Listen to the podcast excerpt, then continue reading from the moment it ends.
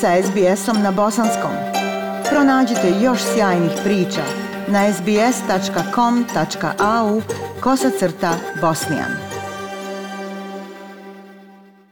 Aisha, lijep pozdrav tebi i slušateljima SBS radija.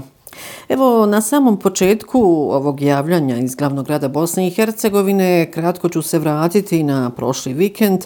Naime, pretpostavljam da već znate, pregovori o izmjenama izbornog zakona u Bosni i Hercegovini su definitivno propali. Angelina Eichhorst, direktorica pri Evropskoj službi za vanjske poslove, koja je sa ambasadorom Sjedinjenih američkih država u Bosni i Hercegovini, Michaelom Murphyjem, e, tokom proteklog vikenda bila međunarodni posrednik, na kraju je istakla da su iscrpljene sve mogućnosti stranih medijatora. Evo, Aisha, podsjetiću na pregovorima je glavnu pažnju zaokupio prijedlog elektorskog izbora članova predsjedništva Bosne i Hercegovine, ali se tokom pregovora otvorilo i pitanje Doma naroda u Federaciji Bosne i Hercegovine. No, bez obzira na sve, iako je evidentno da je dogovor propao, izbori moraju biti održani. Ovu tezu, bar zagovaraju i Evropska unija i američki medijatori, ali i domaći politički analitičari. Međutim, e, neki od e, predsjednika stranaka se s tim ne slaže, ali evo pitanje je naravno samo hoće li nepostizanje dogovora dovesti do nove eskalacije krize u Bosni i Hercegovini. E, kada sam rekla da se neki stranački lideri ne slažu sa tim da izbori se ove godine moraju ipak održati u oktobru, mislila sam na predsjednika Hrvatske demokratske zajednice Bosne i Hercegovine Dragana Čovića.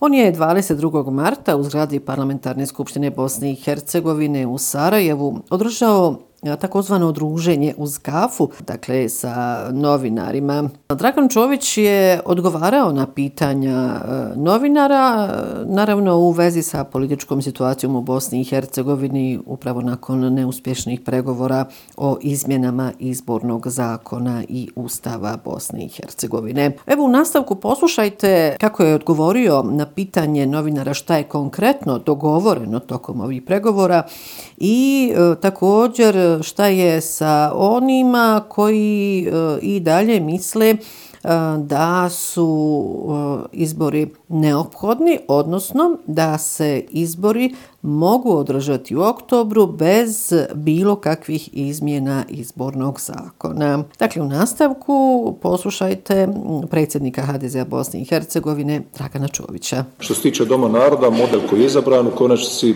je definiran na način da napravimo atko klub nakon procesa izbora i sve one koji se predstavljaju Hrvatima, a imate u federaciji ostao je klub Hrvata, klub Bošnjaka, klub Srba i klub ostalih, zajednički pravi atko klub, sada to rade kroz deset atko com dó. Čime nemate korekcija izbornog zakona u tehničkom smislu riječi nazora, izbora i tako dalje, jasno je da ima politički opcija koji, kojima odgovara takav status, jer do sad su mogli birati na način i kontrolirati izborne procese po različitim segmentima, jer jedan od ključnih dijelova onog što smo mi dogovarali, što je također suglašeno, je bio ovaj integritet izbornog procesa. Ja ne želim komentirati šta je čiji interes u izbornom procesu. Moram reći da je na ovoj preskonferenciji Dragan Čović eh, kazao eh, zapravo kako smatra da je direktan krivac e, zbog propalih e, pregovora o izmjenama izbornog zakona Bosne i Hercegovine e, predsjednik stranke demokratske akcije Bakir Izetbegović. Sam Bakir Izetbegović nije imao posebnu preskonferenciju, ali je s druge strane, nakon propasti pregovora, gostovao na federalnoj televiziji i tom prilikom kazao da su zahtjevi Dragana Čovića bili neprihvatljivi. U najmanju ruku sramotno je ponašanje člana predsjedništva Bosne i Hercegovine Milorada Dodika. Evo pojasniću, 22. marta Bahati Milorad Dodik, kako već rekao član predsjedništva Bosne i Hercegovine i lider SNSD-a, pokazao je ponovo svoje pravo lice. I kada smo pomislili da je barem nakratko prestao biti primitivan, sve nas je razuvjerio. Naime, Prilikom dolaska u tužiteljstvo Bosne i Hercegovine u Sarajevo, Dodik je novinarima koji su ga čekali pokazao srednji prst. I kada je napustio ovu instituciju, isto je učinio. Svoje primitivno ponašanje nastavio je i na konferenciji za medije u Istočnom Sarajevu. Na insistiranje mnogih medija da je njegov potez pokazivanja srednjeg prsta sramotan, Dodik je pokušao objasniti svoj ispad kazavši kako se to nije odnosilo na novinarsku zajednicu ni na sve medije, nego, kako je pojasnio Milorad Dodik, trnu okusu mu pojedini novinari, konkretno je mislio na BN televiziju iz Bijeljine i Sarajevski dnevni avaz. Nakon ovakvog sramotnog poteza Milorada Dodika uglasio se Upravni odbor Vijeća za štampu i online medije u Bosni i Hercegovini koji je najoštrije osudio uvredljivi i prostački potez člana predsjedništva Bosne i Hercegovine Milorada Dodika. Kako je u saopćenju naglašeno kao nosilac najviše državne funkcije, Dodik bi trebao biti primjer svim građanima. I Upravni odbor Udruženja BH Novinari zahtjeva hitno javno izvinjenje člana predsjedništva Bosne i Hercegovine Milorada Milorada Dodika zbog njegovog sramotnog ponašanja prema novinarima.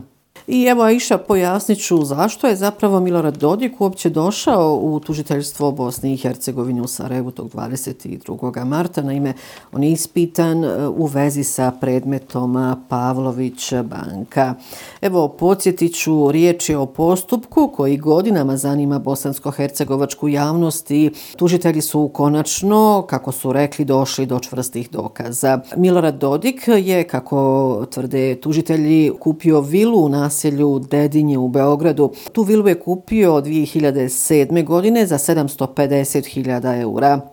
Tada je tvrdio da je nekretninu platio novcem od kredita, međutim, kako se na kraju ispostavilo, kredit u Pavlović banci podigao je tek godinu kasnije, tačnije 27. juna 2008. godine. Osim toga, utvrđeno je, kako opet tvrde tužitelji, da je zahtjev za kredit ovjerio pečatom vlade Republike Srpske i to dok je bio premijer mir Republike Srpske. E, Dodik je u ratu za sporni kredit u iznosu nešto više od 9000 konvertibilnih maraka navodno davao u kešu, a vjeruje se da je za tu vrstu posla angažovao tadašnjeg vozača. E, upravo o tome, dakle, između ostalog, je e, svoju preskonferenciju imao Milorad Dodik, e, kako već rekoh, nakon što je dao iskaz u tužiteljstvu Bosne i Hercegovine i evo šta je konkretno rekao eh, o tom slučaju eh, Pavlović banka. Poslušajte Milora Dodeka. Meni je predočeno nešto što je se desilo prije 17 godina sa potpuno pogrešnom premisom o tome na koji način je to i postavljeno. U potpunosti nekiram sve što je vezano za inkriminaciju tužilaštva Bosne i Hercegovine. Istinita je činjenica da sam 2007. godine zaključio ugovor o kreditu sa Pavlović bankom u iznosu od 1.468.000 KM koji je konvertovalo 750.000 eura. Sredstva kredita sam upotrebio za povinjene pokretnosti u Beogradu. Sljedeće 2008. godine mijenjani su uslovi kredita tako da je rok otplate produžen ali isto tako i povećana kamata. Zato je 2008. godine zaključen novi ugovor sa Pavlović bankom, kasnije aneksom ugovora rok otplate pomjeren sa, na 20 godina. Kredit otplaćuje do 10. godine, 2010. godine isplaćeno je 240.000 evra kredita, do 2017. godine preko 500.000 kredita, rata kredita se plaća i dan danas.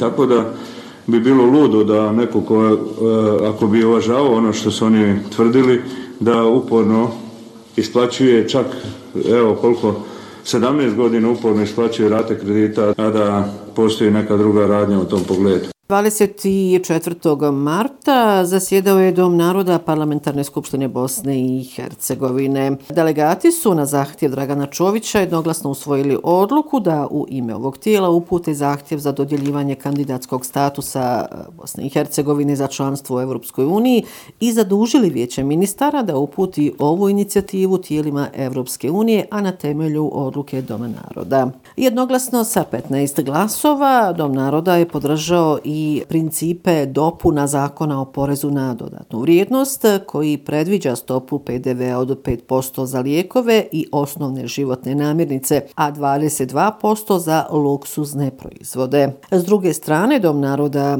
Parlamentarne skupštine Bosne i Hercegovine nije prihvatio da se po hitnom postupku razmatra prijedlog zakona o izmjenama zakona o akcizama Bosne i Hercegovine koji predviđa ukidanje akciza na gorivo.